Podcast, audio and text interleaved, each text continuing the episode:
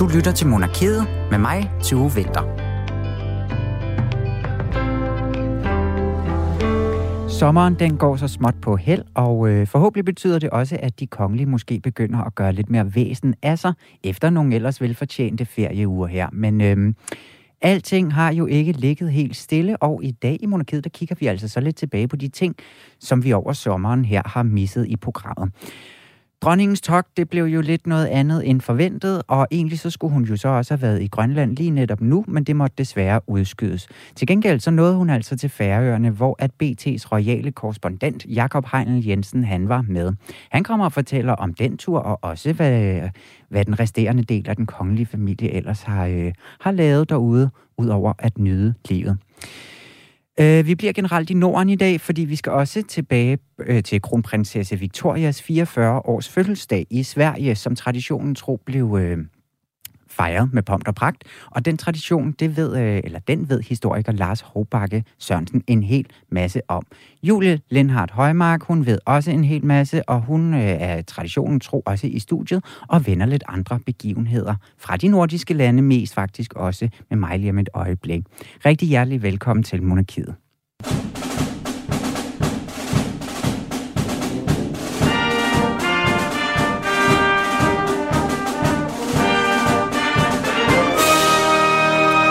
Hej, Julie Lindhardt Højmark. Hej, Tue Vinter. Hej, og tak fordi, at du vil være med igen i dag. Jamen, altid gerne. Jeg Det synes, ingen, det er så fornemt.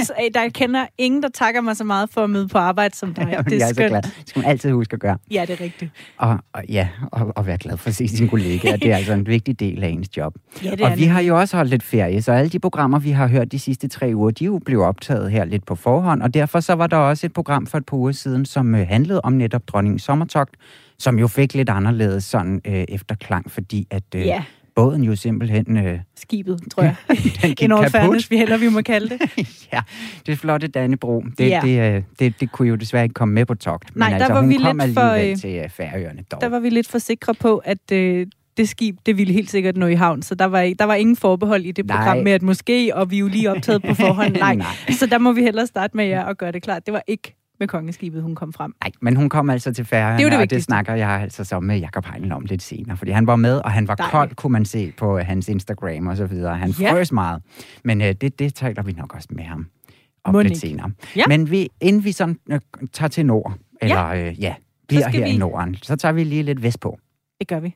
Det gør vi. Vi tager øh, til Storbritannien, og, øhm, og ja, jeg står allerede og nærmest sådan, øh, vemmes lidt ved at skulle kalde det her en nyhed, fordi efterhånden kan det jo ikke være en nyhed længere, at Prince Harry han har noget på hjerte, og noget han gerne vil, vil ud med. Men ikke desto mindre, så er det det, vi skal tale om nu, fordi her i løbet af sommeren er det jo kommet frem, at netop Prince Harry han udgiver en personlig og ærlig bog om sit liv, som den bliver kaldt. Det er øh, via forlaget Random House, at han har oplyst, at, øh, at der i efteråret 2022 kommer den her bog, hvor han gerne vil give et indblik i sit liv helt fra barndommen og over tabet af sin mor, prinsesse Diana, og også et indblik i det liv i militæret og så sidenhen afskeden med det britiske kongehus. Og øh, jeg må indrømme, da jeg læste den her nyhed, så, så havde jeg lidt den der følelse af, altså, hvad er det snart mere, den mand han kan have behov for eller lyst til at fortælle offentligheden? Fordi jeg synes jo, det vi har set siden ham og, og Meghan, de ligesom kom med den her øhm, hvad hedder sådan noget? Øh, Mexit. Mexit, ja, lige præcis. Da de valgte at trække sig som, øh, som senior royals, så har vi nærmest ikke bestilt andet end at høre fra dem, og, og høre dem gøre op med al den uret, de mener, der er blevet gjort mod dem. Og det Nej, kan jo og være i fair alle, nok. Og i alle medier, eller alle- altså på alle platforme, alle ikke? platforme. i bøger, podcast, øh, whatever. Hvornår kommer albummet, har man lyst til at spørge, ikke? Ja, og hvem skal spille dem i filmen? Ja. Øhm, det, ja, og det er nemlig derfor, jeg tror, jeg i hvert fald sidder med sådan en følelse af, at enten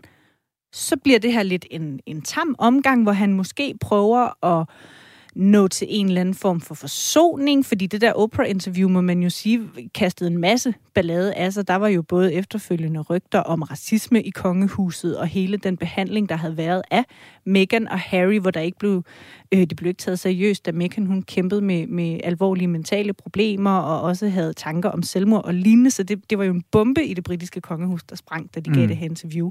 Så med sådan en bog som den her, kunne man måske håbe eller tro, at det enten er fordi han gerne vil prøve at række ud og forsone sig med sin familie, eller også så må vi forvente, at han har nogle endnu flere sensationelle kort i ærmet, han Ja. gerne vil have, have ud at spille. Fordi det er som om, hvis det lander et eller andet sted inde midt imellem, så er vi nok ved at være der, hvor altså, du ved, så bliver det bare en tam omgang. Så har vi ja. ligesom hørt, hvad det er, han gerne vil fortælle, tænker jeg. Jeg læste et sted, at han havde udtalt, at han ville skrive den ud fra et synspunkt for den mand, han er blevet, og ikke den mand, han var i kongehuset.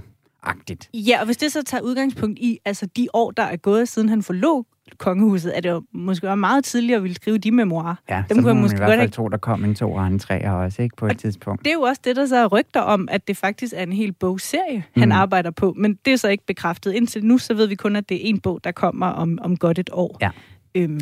Men noget, jeg faktisk læste, jeg ved, at man skal jo tage det meste af det, man læser i de her øh, øh, britiske slæderblade, øh, lidt øh, med grænsal, som Måske endda to græn. To. Ja.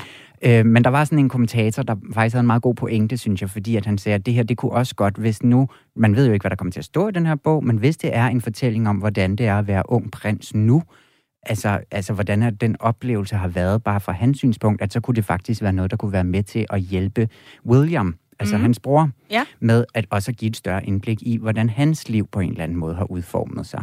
Og det kunne godt være, at hvis det bliver spændet rigtigt og så videre, at det faktisk kan være kunne komme ud som en lille fordel til William, ved mindre at selvfølgelig, at Harry han altså smider med mudder, ikke? Jo. Men hvis det er sådan en fortælling om, hvordan det egentlig har været at være young royal øh, derovre i Jamen, hans opvækst. Og det synes jeg faktisk, altså, jeg har lidt lyst til at lægge mig i den positive slipstrøm og sige, at det, øh, at det håber vi på, at det så kan give et indblik og mere sympati for den måde, som William måske har Jamen, i hans opvækst også. Ikke? Og det synes jeg, du har ret i. Og hvis han på den måde kommer med noget, der er lidt opbyggeligt, så, så vil jeg også have stor sympati for det. Jeg synes bare, øhm, altså med, med det, der er blevet fortalt om den her bog, øh, og om hele det her, men måske også i lyset af, at, at det er jo ikke lang tid siden, at den her øh, serie havde premiere på Apple TV, den der hedder The Me You Can't See, hvor også Harry og Oprah sidder og taler om det her med mental sundhed, mm. og hvor de netop også taler om, hvordan hele øh, Dianas død påvirket ham og har påvirket ham efterfølgende. Jeg tror bare, jeg synes, der er rigtig mange elementer, altså vi snart har hørt om, så måske ja. indpakningen snart skal være noget nyt. Så skal ja. det være på en, når en lidt mere opbyggelig, konstruktiv fasong, så skal det handle om netop, som du siger måske, hvordan undgår vi, at fremtidige kongelige ændre, ender samme sted, eller får en ja. tilværelse. Ja, at det ikke bare bliver sådan en gang verbale tæsk øh, til familien, der kommer mm. igen. Ja, men altså, øh, vi må vente og se, hvad der kommer ud af prins Harrys nye bog, og vi må vente lidt tid, fordi det var altså først til i 2022 til efteråret, den kommer. Ja. Og ja, nu, bliver, nu tager vi så tilbage til Norden. Vi tager ja. nordpå, vi tager til Norge, fordi at der har jo simpelthen, øh, der er sket det, at Mette Marits elskede hund er død. Ja. Og det er jo selvfølgelig en sørgelig øh, fortælling i sig selv, og det var altså kronprinsesse Mette Marit, øh, der i et opslag på hendes private Instagram-profil øh, offentliggjorde det her, at øh, Muffin Krukkebolle, som den hedder, altså var afgået ved døden. Ja, og det er det... svært ikke at grine, når man har valgt at give sin hund sådan et pjattet navn. Det er en sørgelig omstændighed, men det æder med et sjovt navn. Ja, præcis. Og det er altså et ret bemærkelsesværdigt opslag, det her, synes jeg, fordi ja. altså, den norske kongefamilie er jo generelt rigtig gode til at være meget personlige på de her sociale medier. Men her der kommer vi altså med helt ind i sengen til nogle teenager, der ligger i joggingtøj med den her hund, og altså i, det, det roder i baggrunden. Ja. Og altså, man, man ser virkelig, at det her, det er altså bare en, ja, en hundemor, der er virkelig ked af sit, af, af sit tab af den her øh, labradoodle, som det var. En yeah. meget, meget fin, stor, brun labradoodle. Men det er bare vildt nok. Ja, og, jeg, det. og det er sådan, jeg, jeg bliver sådan... Øh, Hvad betyder det? hver, gang jeg, hver gang jeg ser det, men jeg synes bare, det er sådan ret, altså det er meget bemærkelsesværdigt. Og, og ikke, ja, hendes Instagram-profil. Ja, præcis. Ja, ja. Og det, at det er jo nogle utrolig kønne børn, hun har.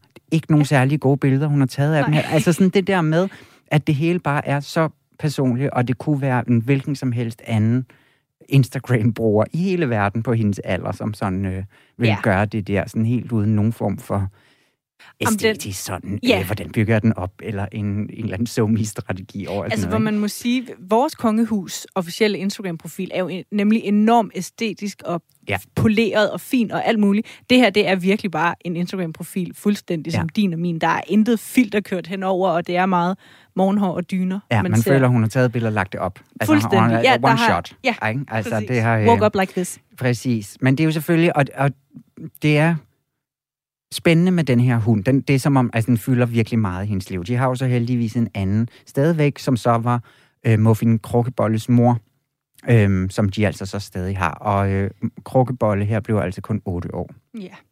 Men Så måske det også, uden at det skal lyde alt for kalkuleret, men også smart at lave sådan et opslag, fordi det må være sådan noget, der går rent ind hos alle hundeejere. Og, Helt- og helt altså, vildt. folk er jo i øvrigt tosset med hunde, er min Ja. erfaring. At en død hund er jo, er jo noget, vi alle kan knibe en tår til. Ja, ja men det er, og det er tragisk for dem, at der ikke noget at, øh, og hvad hedder sådan noget, sætte en, en finger på. Altså, det kan man virkelig mærke i det der opslag også, ikke? Ja. Sådan et mindeopslag. Det er aldrig noget, jeg tror, vi kommer til at se i de danske medier. Det må jeg altså Det kan sige. jeg simpelthen bare heller ikke forestille mig. Det kan være, vi endda skal jeg lige øh, tage en status på i skrivende stund, hvor mange der egentlig har liket Ja, det der gør- opslag. Ja, lige det. Øh, hvad hedder profilen? Den hedder bare Mette Marit, gør den ikke det? Øh, jo, noget den dur. Crown, Måske. jo, nu har jeg den her. Crown Princess MM. Der er simpelthen intet mindre end knap 45.000, der har liket det opslag. Perfekt. Hvor mange følger hende? Mm, det er der næsten 300.000, der gør. Det Ja. er altså meget... Øh, det er sgu Det er meget da en nordmand eller to. Det må man sige, og Muffin døde altså af, af kræft. Ja. Må, øh, må hun hvile i fred. Helt Ja. bestemt. Og uden at det var... Øh, det er jo tragisk nok i sig selv, men noget, der var lidt mere tragisk, det foregik så også i Norge her til sommer. Ja. Øhm, Tragisk i en helt anden liga, vil jeg Ja. have lov at sige. Fordi noget, der også fyldte meget i, i Norge i det hele taget, og derfor også i det norske kongehus den her sommer, det har jo været markeringen af øh, det, der skete den 22. juli 2011, altså 10-års jubilæet, eller ej, det kalder man selvfølgelig ikke et jubilæum, men 10 års minde, markeringen- Mindedag. mindedagen meget bedre ord for, for angrebene på Ytøya og i, i Oslo, som jo fandt sted den sommer der for 10 år siden. Og i den forbindelse så holdt både øh, kong Harald og kronprins Håkon nogle taler, ligesom de i øvrigt også gjorde tilbage i 2011, da, da angrebene fandt sted. Og øh, altså, jeg er i hvert fald ret imponeret over, hvor dygtige de to er til at holde taler. Vi har også talt om det før her i programmet, at de virkelig er gode til at levere nogle indlevende og, synes jeg også, modige og ærlige taler, og, og det var bestemt ingen undtagelse den her gang. Altså helt grundlæggende kan man sige, selvfølgelig lever de op til nogle sådan formelle standarder. De siger det, man skal sige som kongelig i sådan en situation her.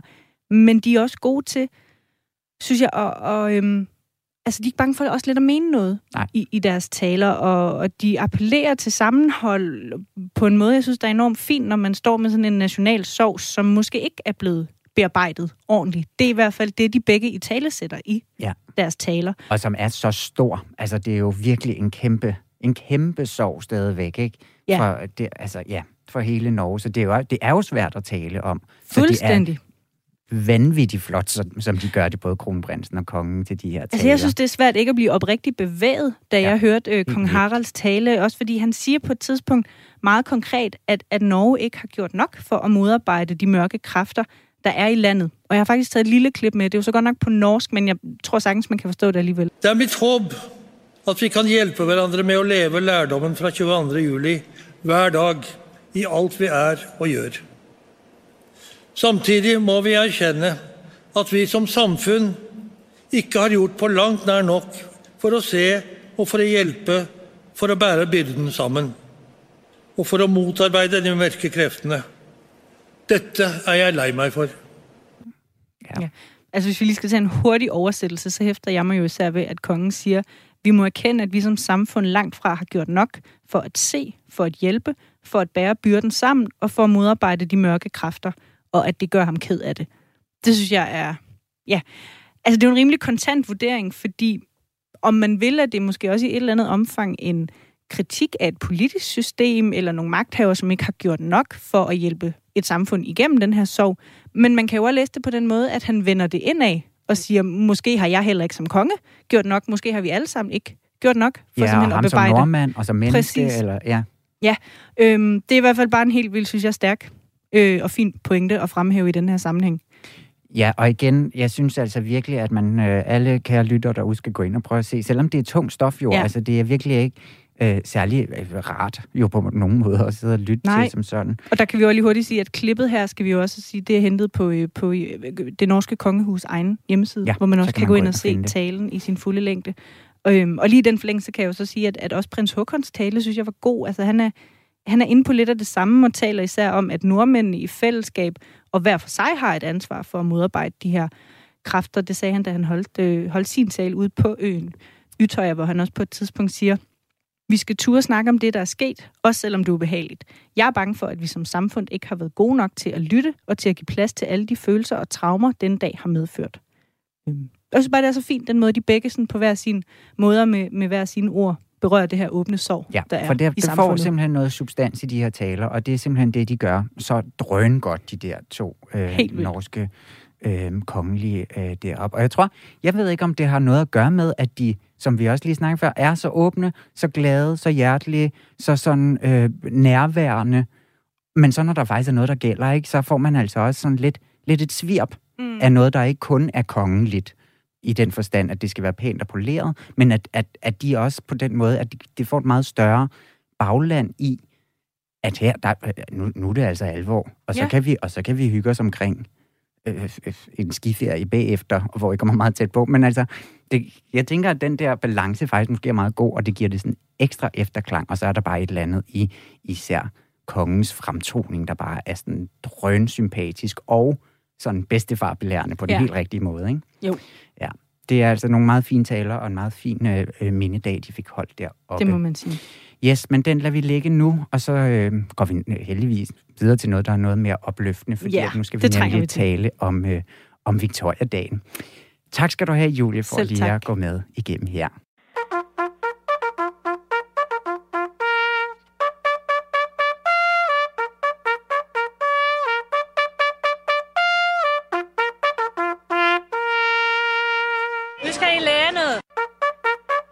Den 14. juli i Sverige, der fandt der en fødselsdag sted, som vores øh, svenske venner altså virkelig gør noget ud af.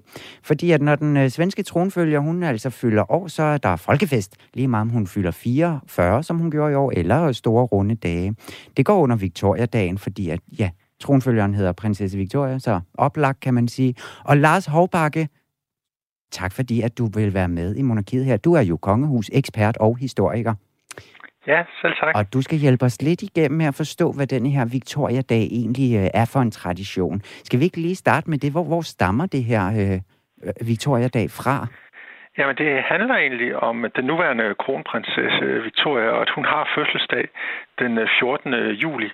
Og så har man i de sidste mange, mange år øh, altså haft en tradition med, at kongefamilien øh, flytter ind på deres øh, sommerresidens på Soliten Slot øh, på Øland, øh, den her ø, der ligger ude for, ja, kald mig ude i Østersøen, øh, og som, øh, som øh, ligesom er starten på sommeren for kongefamilien, øh, og øh, dermed også sådan et startskud til sommeren for, for mange svenskere. Det er noget, der betyder rigtig meget for dem. Og det er altså en tradition, der er kommet i forbindelse med, øh, med den her person, øh, kronprinsesse Victoria. Okay. Man har holdt den i mange år for hende, men det er ikke sådan en tradition, der går længere tilbage i tiden end det, øh, fordi datoen er netop også udvalgt fra, at det simpelthen er der, hun har fødselsdag. Ja, så det her, øh, der, så det er ligesom også en sommerens komme, der bliver fejret med også kronprinsessen her i, øh, i, op, i, op i det svenske land her. Og så har du jo øh, lige tippet os om, at der er et lille stykke musik knyttet til den her dag, for, og jeg synes lige, vi skal høre lidt af det for lige at, lige at sætte stemningen.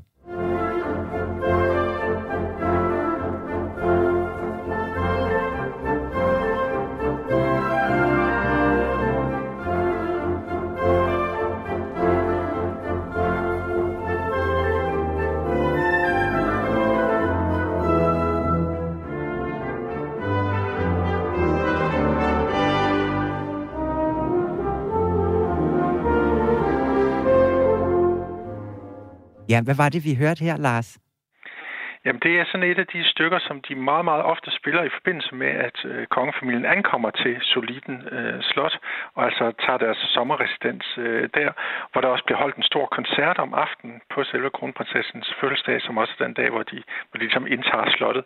Og øh, det er skrevet af en svensk komponist, der hedder Wilhelm Petersson Berger, som lidt svarer til vores Carl Nielsen tidsmæssigt. Han var sådan i slutningen af 1800-tallet, begyndelsen af 1900-tallet. Og det her stykke, det hedder netop Indtog i sommer sommerhagen, mm. som betyder indtog i, i sommer i øh, sommermarken eller sommerengen. Og det er egentlig opkaldt efter øh, komponistens øh, hus, som hed, øh, hans sommerhus, som hed Sommerhagen.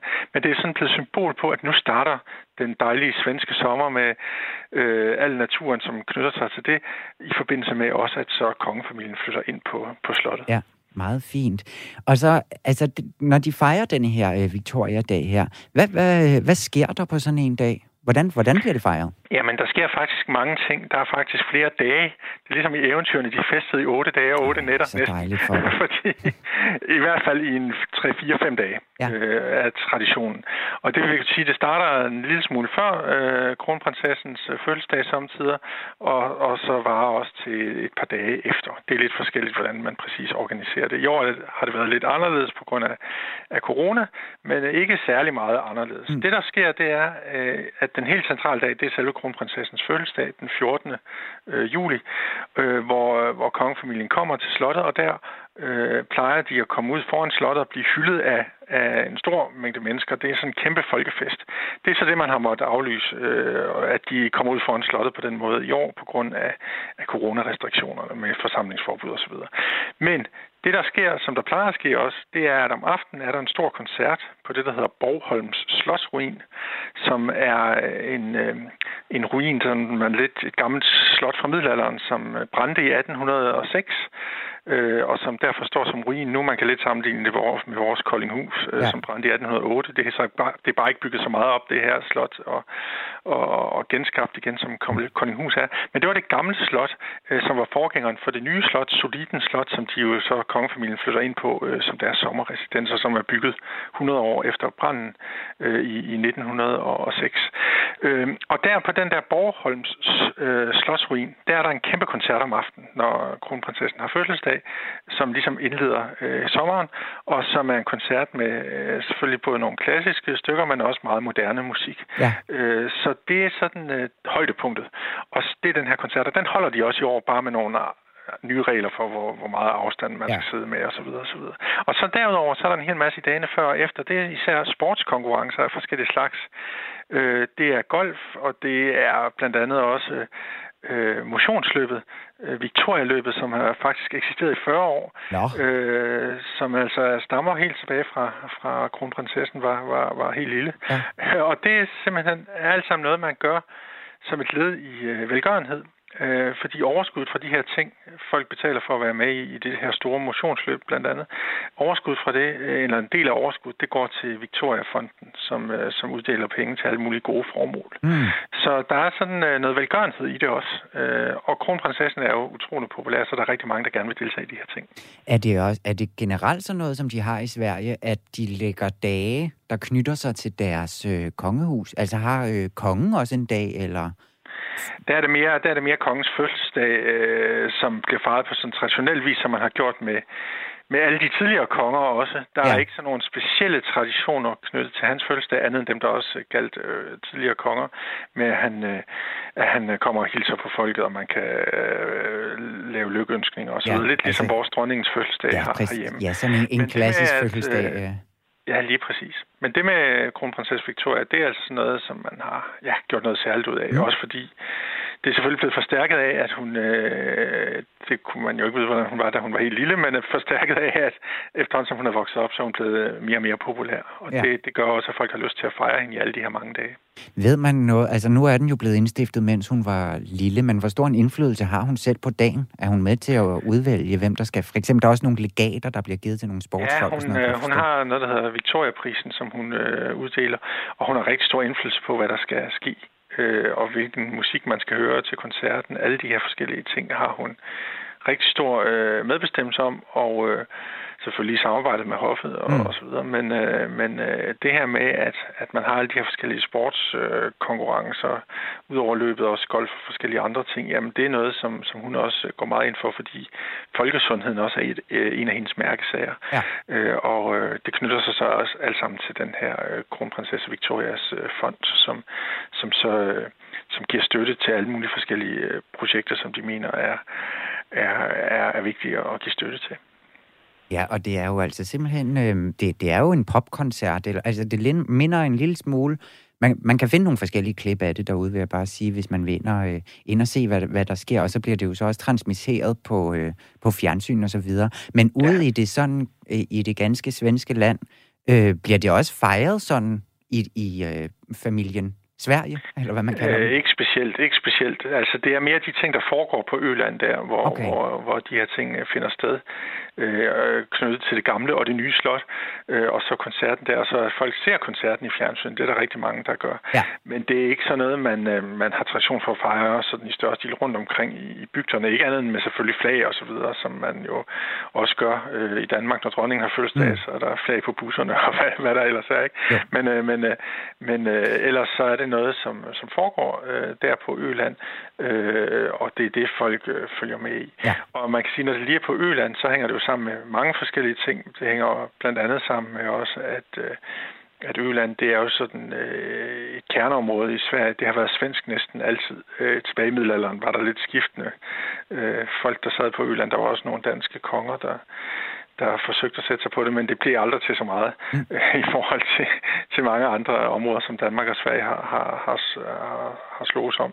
Så, så Øland er sådan et kernesvensk øh, område, og øh, jo helt specielt øh, også fordi der er mange øh, der kommer der til i forbindelse med de her begivenheder. På den måde er folket jo med, Ja. øh, fordi der er rigtig mange, der deltager i det her motionsløb. Der er rigtig mange, der tager til Øland om sommeren i det hele taget holder ferie. Det er jo sådan ligesom vestkysten herhjemme, øh, den jyske vestkyst. Sådan en rigtig turistområde. Øh, område. øh, en del af Øland i hvert fald, øh, hvor, hvor der kommer rigtig mange både svenske og udenlandske turister. Og, og slottet, øh, der, bor, øh, der bor kongefamilien så hele sommeren, fra den her Victoria-dag og frem øh, resten af sommeren. Øh, Så det svarer lidt til Marselisborg Slot herhjemme i, i Danmark, hvor, Ja. ja. hvor dronningen jo bor øh, om, om sommeren. Og så er Slotsparken også åben, så folk kan komme ind øh, og, og ligesom være tæt på de kongelige på, indirekte på den måde. Har du nogensinde været med til sådan en Victoria-dag? Nej, jeg har desværre aldrig haft lejlighed til at være der på Øland lige på det tidspunkt. Mm. Men, øh, men øh, det, er, det er noget, som folk går rigtig meget op i. Ja, det lyder Øh, altså også rigtig af- hyggeligt. Ja, det er lige på det rette tidspunkt, hun har fødselsdag i forhold til, Ja, at man så kan heldigt. kombinere det med, at så nu starter sommeren for alvor. Præcis. Hvor er det godt. Tak skal du have, Lars Hovbakke, fordi du Jamen, lige vil øh, forklare os lidt om Victoria-dagen. Papa, man siger, at den man elsker, tugter man. Vi tvivlede aldrig på din kærlighed. Det var Lars Hårbakke Sørensen, der simpelthen lige fik øh, sådan sat traditionen på plads her. Og så kan jeg fortælle, at i år, der, øh, der foregik det ved, at, at øh, hele familien kunne være med til de her festligheder igen. Normalt så kan man også som helt almindelig øh, øh del af pøben købe billetter. Det kunne man så heller ikke i år på grund af noget corona Men selv Madeleine og øh, Chris O'Neill, de var fløjet ind fra Florida, og der blev taget en masse skønne nye familiebilleder, og det hele var rigtig godt. Dem, prinsesse Sofia manglede, hun var hjemme og passe en lille baby. Men der var simpelthen musik fra svenske øh, moderne kunstnere, som Sabina øh, Dubumba, eller jeg har udtalt hende, øh, Mandudia og Smith og til og en masse andre skønne mennesker, som man jo kan gå ind og, og lytte til. Og så gik Victoria-prisen, som også er en del af den årlige fejring, den gik så til hurtig skøjteløberen Niels van der Poel, og han var selvfølgelig øh, rigtig glad. Alt i alt en virkelig skøn tradition, som vi jo godt kunne lære lidt af herhjemme. Men de har en pude i ryggen.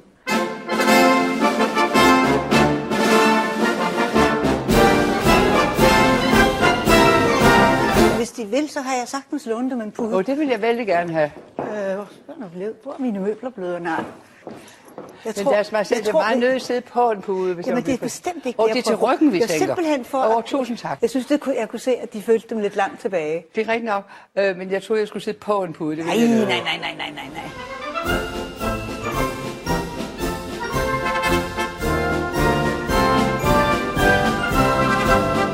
Nu skal vi vende lidt af de andre ting og sager, som der er sket inden øh, for de kongelige rækker her over sommeren. Og øh, dronningen har jo blandt andet været på et togt trods alt, og øh, med på den tur, der var du altså Jakob Heinel Jensen, royal øh, korrespondent på BT. Ja, Velkommen til Monarkiet. tak skal du have. Igen, så dejligt at se dig. I lige måde. Har du haft en god sommer? Det har jeg. Der har været en masse arbejde, så... Øh, Det ikke virker ikke ferie som om, du har holdt fri, nej, Nej, hvis man følger ikke. med. Men øh, når september kommer, så skrider jeg til sydligere himmelstrøg. Åh, ja, det lyder altså dejligt. Men nu ja. Har du så været med på nogle øh, nordlige himmelstrøg. Det må man sige, ja. Og som jeg også lige sagde i starten, så, så synes jeg, det var som om, man, hvis man følger dig på Instagram, så synes du, var en lidt kold tur. Ja, det må jeg sige. Jeg synes godt nok, øh, når man tænker på det juli på færøerne, og man så render rundt i en 9-10 grader og øh, stormende kuling, så er det lille smule svært at kalde det sommer. Så jeg havde vinterjakke med øh, deroppe, og, øh, og var meget vindblæst og, og kold hele tiden. Men Ja. øh, sådan er det jo. Men var det en god tur? Det var det, for det var jo, altså, man må jo sige, øh, selvom dronningens sommertog, eller det, altså, turen til Færøerne er faktisk ikke en del af sommertog, det skal vi lige huske at sige. Mm. Men øh, det var en god tur, fordi at hun jo faktisk fik gennemført øh, turen til Færøerne på en meget, meget fin måde. Jeg var, da jeg fik programmet for turen, der tænkte jeg, oh my lord, jeg kommer til at arbejde 24 timer i døgnet. Og så kunne jeg ikke lade mig at tænke på, hvordan må det må føles, hvis man er 81 år og dronning. Og nu ved jeg selvfølgelig godt, der er en del af året, hvor hun bare kan sidde med sine småsysler hjemme på slottet og hygge sig, og dermed er det måske ikke så hårdt alligevel, men alligevel at arbejde sådan fra klokken 8 om morgenen, og så, øh, og så først gå i, i seng på den anden side af 10-11 stykker om aftenen, ja. uden en, en øh, altså, der er jo mange gamle mennesker, der de tager en frokostlur, eller hvad hedder sådan noget, en, øh, en middagslur, ikke? jo. Det er der jo, Jo, ikke tid til, vel? nej. Øhm, Nej, så- og, og det holdt så hele. Hun kom jo så lidt senere af steder, og der var nogle blandingsproblemer og alt muligt Ja. også. Altså hele, men, Ja, men det ja. blev altså afviklet på det her sådan lidt hæsblæsende Ja. program, der Ja. simpelthen skulle, øh, der skulle øh, køres deroppe. Ja. Hvordan, øh, altså, hvordan fungerede øh, det deroppe? Hvad var det mest interessante, synes du?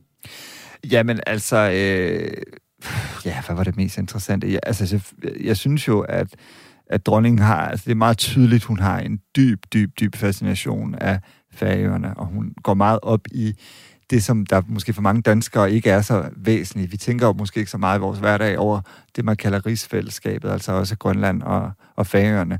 Og det er virkelig noget, der ligger dronningen øh, meget på, på, på sinde, og, og hun går meget... Altså hver enkelt ting deroppe var virkelig noget, hun gik meget op i. Ja. Men så øh, bed jeg jo også mærke i, at der jo også var en, øh, en ret hæftig debat på Færøerne, om det her besøg overhovedet skulle afvikles, fordi at, øh, at Færøerne har ligesom vi har hjemme haft øh, en sommer, hvor mange af de store musikfestivaler, det er der åbenbart også på Færøerne, altså der er nok ikke Roskilde Festival, men der, der var en del andre, altså nogle små øh, og, og mellemstore musikfestivaler, som ikke kunne afvikles.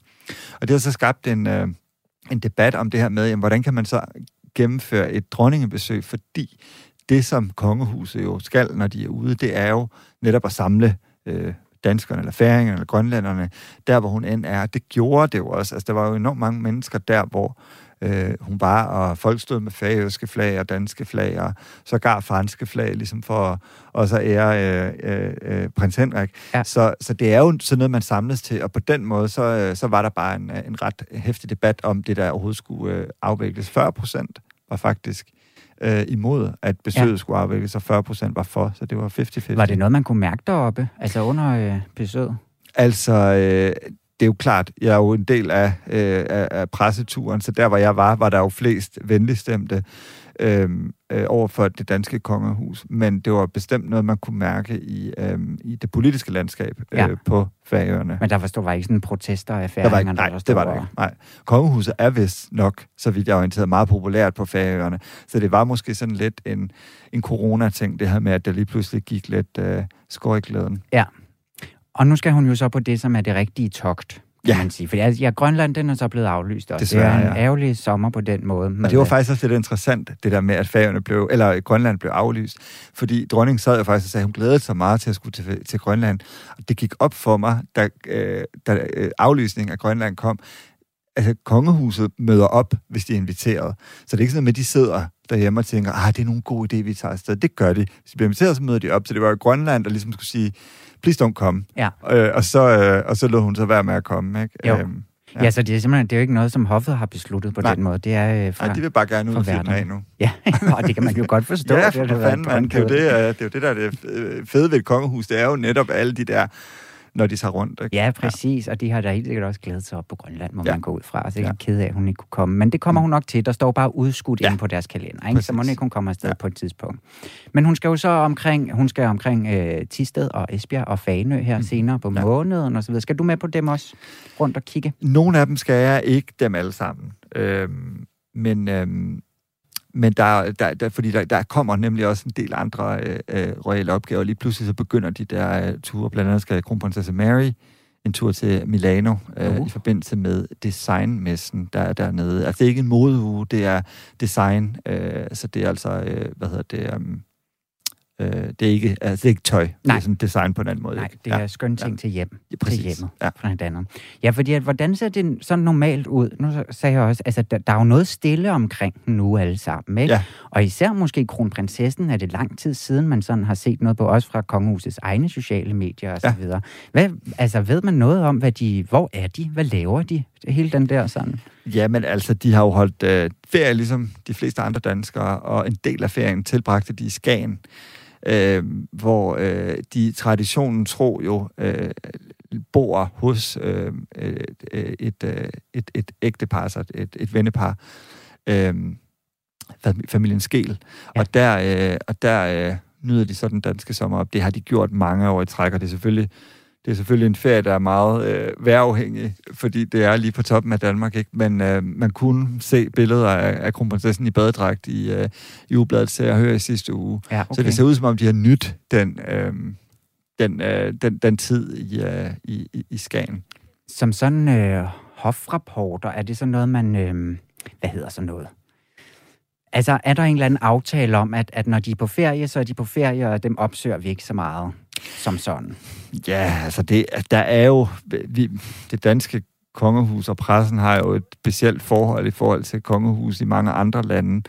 Øhm, jeg har indtryk af, at der har været sådan en, en, en, en, en eller anden form for accept af, at pressen har været der øh, til de ting, i, øh, når, når, når, når kronprinsparet har været i Skagen. Men for at være helt ærlig, så jeg føler mig temmelig overbevist om, at, øh, at, at kronprinsparet jo ikke føler, at de synes jo ikke, det er fedt at blive øh, paparazzi-fotograferet deroppe. Så det er ikke sådan noget med, der er aftaler øh, øh, på den måde der. Altså sommerferien, og navnet, hvis du ringer ind til hoffet og spørger til sommerferieplaner, så er det privat, og de Ja. går meget op i det der med, at der er sommerferie er privat. Så alt det, man ligesom laver rundt om, det er faktisk noget, de helst vil undgå, men som de så tolererer går ud fra, fordi at, at de jo trods alt lader, øh, lader billederne blive trygt. Man kan også sige, når man er på en offentlig strand, så kan man jo ikke, øh, så kan man jo ikke rigtig stoppe at øh, fotografer i at, at, at tage billeder. Sådan er, øh, sådan er gamet jo både her i udlandet. Ikke? Men er det normalt, at det her med, at, at der går så lang tid fra, at vi ser dem? Altså for, for eksempel så har vi jo set her under OL, som der jo også mm. kører nu, der, der hører man lige lidt fra kronprinsen, der sender nogle lykønsninger og så Mm. videre. Mm. Men der har da godt nok været stille omkring, øh, altså kronprinsessen i, Ja. i, i mange uger, synes jeg. Ja, men det er, ja, og det er jo fuldstændig ret i, det er, øh, det er ikke meget, vi har, øh, det er ikke meget, vi har hø- hørt til hende.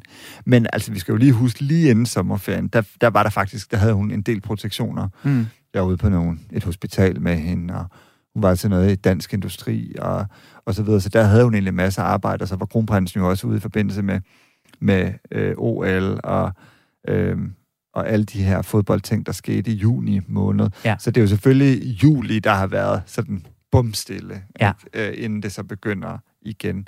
Og øh, øh, Og der blev, var jo selvfølgelig også nogle ændringer i planerne, fordi at kronprinsen, han skulle have været i Tokyo nogle dage, Ja. ja. sådan set, og det blev så også aflyst sådan Ja. ja. ret hurtigt inden, og nu har han jo så også trådt tilbage i alt det her Ja. ja. IOC-halløj og så Ja. videre, så han har måske også haft lidt mere. Ja, ja. sådan stille og roligt. Ja, men fuldstændig. Men lige om lidt, så, øh, så tror jeg, det ændrer sig en del. Og der er jo altså også, øh, den københavnske modeuge går jo også i gang lige om lidt. Øh, og, øh, og der plejer kronprinsessen jo også øh, at vise sig på den ene eller den anden måde. Ja, så de er måske ved at være hjemme fra Skagen efterhånden. Jeg, jeg tror, jeg hører i hvert fald, at, øh, at deres ferie, den ligesom de fleste andre dan, øh, danskers ferie, den, den slutter i går, og så begynder arbejdet sådan stille og roligt at gå i gang her. Ja, i, øh, det er altid lidt hårdt at komme i gang igen jo. ja. Det er meget skønt at starte det ud med sådan en modeuge. ja, ja, det er det. Altså, det er jo ikke, og så skal hun til Milano i september. Det er lige til at holde til, ikke? jo, det er selvfølgelig ja. skønt. Ja. ja. Han har jo sådan set også en lillebror, Ja. kronprinsen her, og de er i, i, i Frankrig. Ja, de er i Frankrig. Men de får jo så besøg af øh, farmor, eller øh, hvad hedder det, af mor. Ja. Øhm, dronning Margrethe sagde øh, i slutningen af øh, øh, Færøerne-turen øh, Øh, til mig, at, øh, at hun faktisk ville tage ned til Joachim og Marie. I, øh, eller hun lod mig ikke helt gøre spørgsmålet færdigt. Jeg prøvede sådan at sige, kunne de tænke dem at, at tage ned til øh, øh, deres øh, søn, som jeg bor i, i. Og så tog hun sådan ligesom bare selv over og sagde, at det var faktisk min plan at gøre det. Og det var øh, overraskede mig faktisk lidt, at hun gik ind i det, fordi normalt så er sådan nogle ture jo noget, øh, de, øh, de holder fuldstændig privat også, ikke? Øhm, men der, der øh, sagde hun simpelthen, at nu vil hun faktisk gerne en tur til Frankrig. Så dronningen øh, tabte til Kajs, Ja. øh, simpelthen. Øh, og, øh, og der, altså uden at der har været meldt noget ud officielt, men der har jeg en eller anden forståelse af, at på den tur til Kajs, der vil Joachim og Marie også være til stede på Kajs. Og, øh, og jeg ser det jo som en meget markant ting, det der med, at de samles på Kajs på Ja. den måde, fordi på grund af det her forår, der har været. Ikke? Øh, selvfølgelig så øh, er der overbevist om, at øh, dronning Margrethe taler i telefon med prins Joachim i ny og næ, men, øh, men sådan at sidde over for ham, og måske lige snakke om interviewet øh, i Point de Vue, som jo skabte en helvedes masse Ja. øh, opmærksomhed hjemme, øh, om man var for eller imod, og, og man synes, at Joachim bliver... Øh, dårligt behandlet i kongehuset, eller om han ikke gør. Så er det i hvert fald et interview, der skabte meget røre. Og jeg tror, det er en god idé, at, øh, at dronningen måske øh, taler med Joachim om den rolle, som han ikke føler er defineret.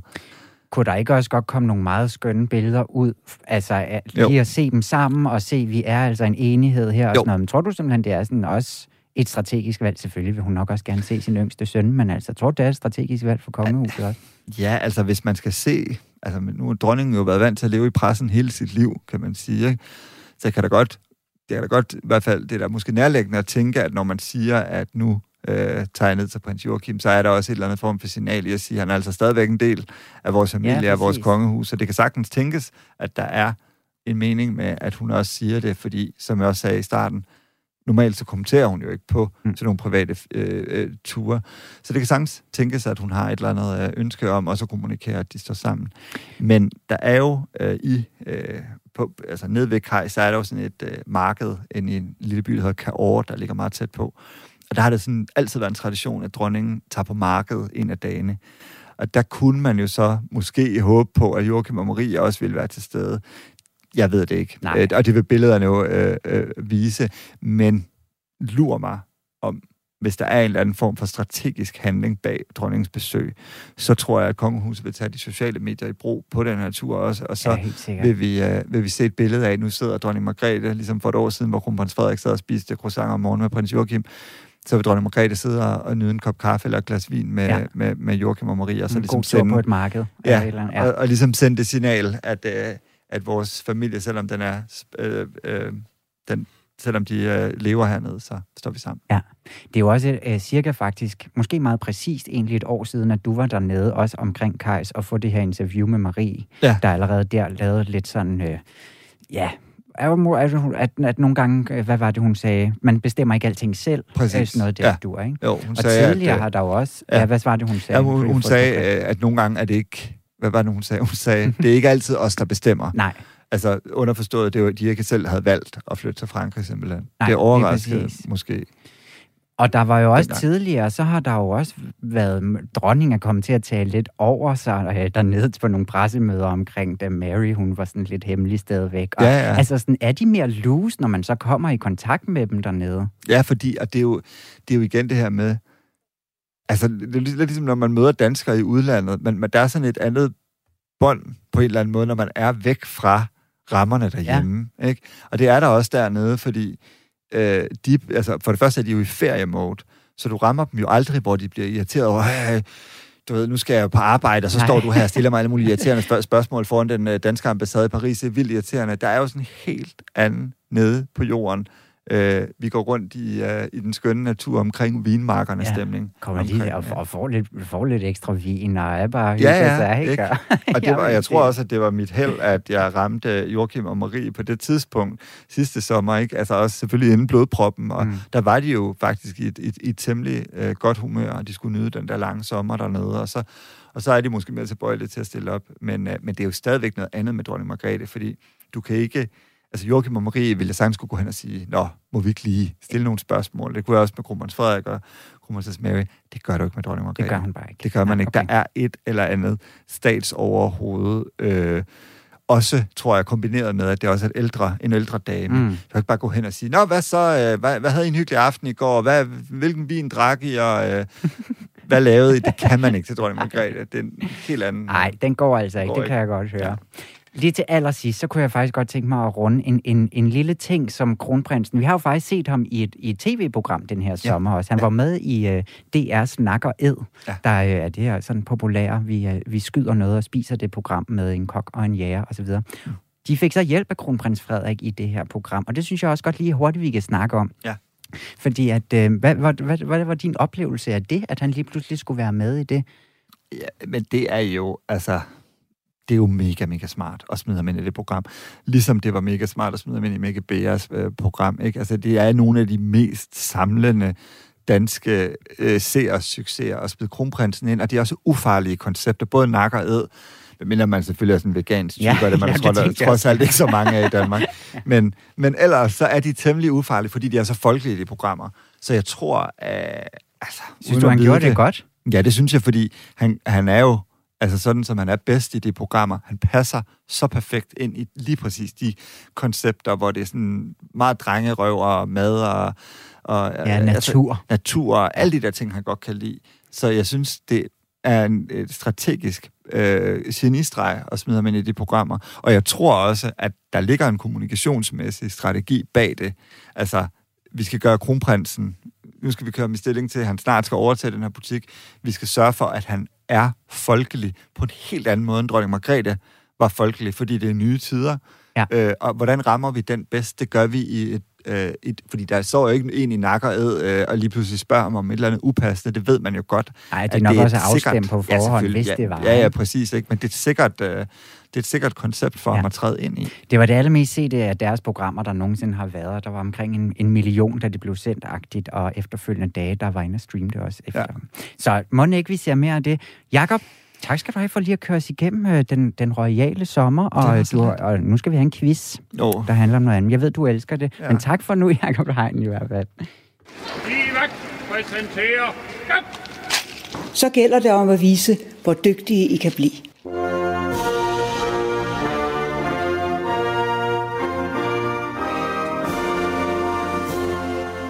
Ja, og så kommer Julie rendende ind her i studiet, fordi du skal jo have noget modstand, Jakob. Ja. Øhm, Sidst vandt du jo. Gjorde du ikke det? Gjorde jeg det? Ja, det, det lyder du. lidt usandsynligt, synes jeg faktisk. Nå. Ja, ja. Det kan ja, godt ske. Det, det sker ja. jo ikke så det. tit, at Julie hun vinder, så på den måde, ja. så, har du, så har du ramt hende Så lad os endelig bare sige, at jeg gjorde det. Men ved I hvad, i dag der skal vi rigtig konkurrere, fordi at mm. vi skal snakke OL. Det har vi jo slet ja. ikke rigtig sådan fået snakket så meget om i dag. Nej. Det er jo OL lige nu, ja. og vi skal snakke simpelthen om øh, royale i OL-sammenhæng.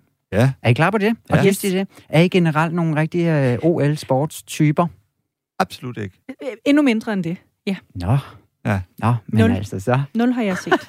så, så. Jeg glæder mig allerede. Ja, det bliver godt, det her. Nå, jeg, altså, jeg kan jo lige sport fire uger og hver fjerde år, og det er dem, der vi er i gang med lige nu. Nå, det er det. Jeg ser det hele. Ja. Jeg så noget øh, kvindevægtløftning den anden dag. Jeg har aldrig været så optaget Var det det med før. den transkønnede? Ja, det så jeg også. Det, det var, var lidt sø. spændende, Det gik ikke så godt for Nej. hende, desværre, men altså, ja. hun fik det lavet navn ud, altså. Ja, det kan man sige. Ja. Rigtig skønt. Men så er I klar på det? Hende der, der fik lusinger, inden hun skulle ind ja, og kæmpe. hun er jo også blevet... Det er allerede der, der har du set mere end mig. Det Jamen altså, sådan. Nu skal vi simpelthen lære de her øh, øh, lege lidt bedre at kende, eller hvad man siger. Ikke? Fordi at, altså, da det startede, de moderne lege her, der var det nærmest kun aristokratiet og altså de kongelige, der havde både tid og overskud til at beskæftige sig med det her sport, halløj, ikke? Mm. Øh, der er rigtig meget ridesport, de er involveret i, rigtig meget sejlsport, de er øh, involveret i de her. Men øh, jeg har fundet nogle forskellige gode historier, vi skal dyste i, og her kommer det første. For der skal vi faktisk helt tilbage til de antikke lege i øh, Grækenland, fordi at øh, der kender man til en af de allerstørste bestikkelsesager ved legenes historie, og den står den romerske kejser Nero for. Fordi at i år 67, der vandt han alt, hvad han stillede op i. Han kom hjem med 1808 præmier, Øh, det blev det simpelthen til. Og de blev så alle sammen øh, kendt ugyldige efter hans død, og dommeren de måtte så betale alle de her penge tilbage. Men det har man simpelthen fået dokumenteret på en eller anden måde. Det er meget, øh, meget sjovt. Men han indførte også flere nye discipliner, og især en disciplin, som han selv mente, han excellerede i. Hvad indførte han ved de her lege? Var det, at øh, var det simpelthen lyre-spil, der er sådan et strenge instrument, altså noget musik? Eller var det øh, en romers paradedans, som kun blev danset ved det romerske hof, så det var kun ham, der kunne det? Eller var det simpelthen ham, der fik indført kuglestød ved de olympiske lege, som vi jo altså stadigvæk er en del af legene i dag? Altså, jeg tror det sidste, men det er fordi, jeg synes, de andre to virker så usandsynligt, at man skulle stå og spille på et eller andet mystisk instrument. Ja, det synes jeg heller ikke har meget med sport at gøre. Nej. Nummer to der, så virker det også usandsynligt, at han så efterfølgende har kunne tabe den. Altså, Ja. at han så ikke er kommet hjem med 1807 medaljer, fordi lige den fik han lov at Ja, det er en god beholde. pointe. Men ja. øhm, ja, må, må vi begge sige nummer tre, Det tu? kan I tro, at I må. For det er også forkert. Ej, Han prøvede at indføre lyrespil. Ja. Han mente, han var en færm lyrespiller, der har det her Altså, er det strenge. Det er jo ikke en sport. Det er sådan en strenge instrument. En, en gammel, ja, en lille harpe, kan man nok sige. En håndholdt harpe. Håndholdt harpe. Men en kunne man ikke godt have fortalt ham, at det, det ville ikke lykkes? Men der er jo før i historien også blevet, kom, altså også i de moderne lege, også blevet konkurreret i sådan noget maleri og i, altså i sådan nogle Nå, kunstarter. okay. Nå. Nå. Så det er ikke en helt sådan usandsynlig ting. Hvis man nu det er genindførte også- det, så ville jeg nok se lidt mere med. Men det er jo også meget sådan, øh, i dag er det jo også, altså nogle gange så bliver jeg også overrasket over de nye sportsgrene, der ligesom dukker op. Det er jo sådan meget øh, øh, øh, øh, bevægelig størrelse, det, der, det man kan stille op i. Ja? Jo. Jo, og det er altså... Jo, men det ja.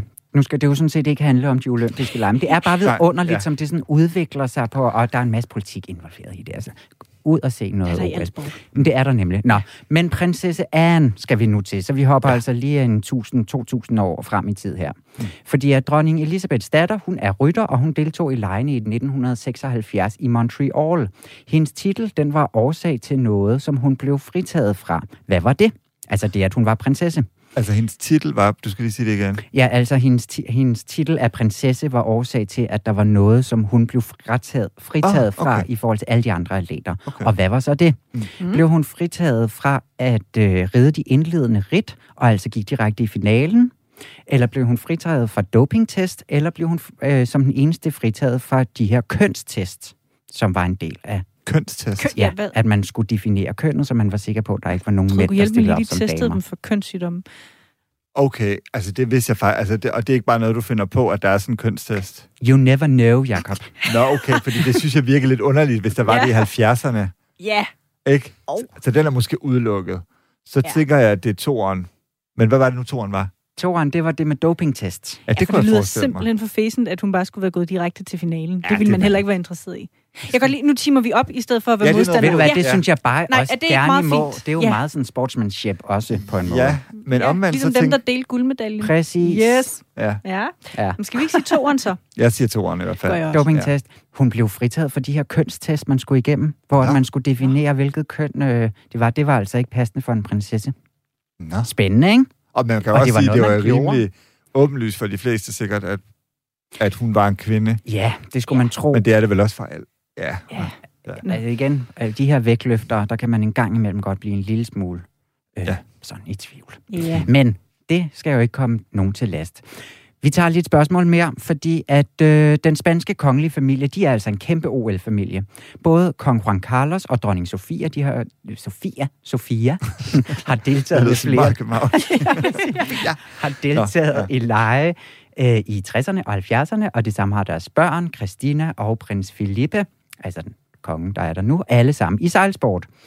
Christina, altså hende her, in, in, Infanta Christina, tror jeg nok, der er hendes titel, øh, giftede sig så senere med en top elitesportsmand, der senere så også fik fængselsstraffe for skattesvig. Men hvad for en øh, sport var han til olympiaden med i 92, 96 og 2000? Altså manden der. Mand. Ja. Ja. Var det fodbold, håndbold eller fægtning? Han var elitesport. Fægtning lyder jo meget øh, spansk. Ikke? Jo, Jo. det var Gør fodbold egentlig ikke også det? Jo. og håndbold. Jeg tror nok, at de øh, danske drenge skal op i en semifinale mod øh, selv de spanske drenge. Jeg Altså, jeg tror på en eller anden måde, at ja, men fægtning er også bare det mest obvious. Ja. Så ja, nu skal vi jo... Så prøver jeg at sige øh, håndbold. Og det er wild guess. Ja. Jeg aner det ikke. Og du bliver på fægtningen. Det gør jeg. Jakob, der er et point. Nej! Han var Fantastisk. håndboldspiller Altså, var og en øh, stor en af, Ej, af slagsen, åbenbart. Sidste spørgsmål. Er I klar på det? så klar. Fordi at vores nordiske venner fra Norge, de har også en gloværdig olympisk tradition i deres kongehus. Både kong Olaf den 5. og hans søn, den nuværende kong Harald, har deltaget ved flere olympi- olympiske lege, også i sejldiscipliner. Kong Harald han fik en ære ved de olympiske lege i 1964, der også var i Tokyo. Hvad var det? Hvad fik han æren af dengang? Var han en ud af fem, der bliver udtaget til de her såkaldte sportsmanship-medaljer, dengang øhm, fordi at han fiskede en modstander op af vandet, men alligevel vandt sit øh, show og fik ham i land og sådan noget. Ikke? Eller fik han lov til at bære den norske fane ind til åbningen, eller var der overhovedet ikke noget med sport at gøre, men det var altså her, han mødte dronning Sonja. Uh. Der så det også jo er være sådan en ikke? Mary Det- og det- Frederik Ja, det er det jo fuldstændig det samme Ja. ja. 2000 i Sydney for dem. Ja. Vil man ikke, det ville man have boret noget mere i, hvis det var sådan, ej, Frederik og Mary, det var ligesom dengang med Harald og Sonja. Ja, det vil jeg nemlig Det ville også I have hørt mange gange. ja.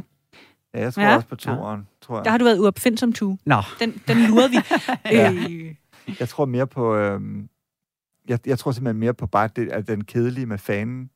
den kedelige med fanen. en op af vandet. Det, det er også en god historie, ikke? Men jo. omvendt så levede jeg jo ikke dengang, så jeg kan jo ikke, Nej.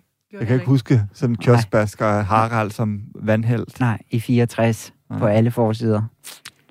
Jeg prøver med toeren. Men Så prøver jeg etteren bare for spændingens skyld. Så er der to point til Jakob og Jamen dermed altså. også en vinder af quizzen. Og hvor blev I kloge? ja, det gjorde Tak fordi du er velkommen, Jakob Hein Jensen fra Journalist på BT. Og monarkiet er slut for i dag, og vi er tilbage igen på onsdag. Tak for i dag.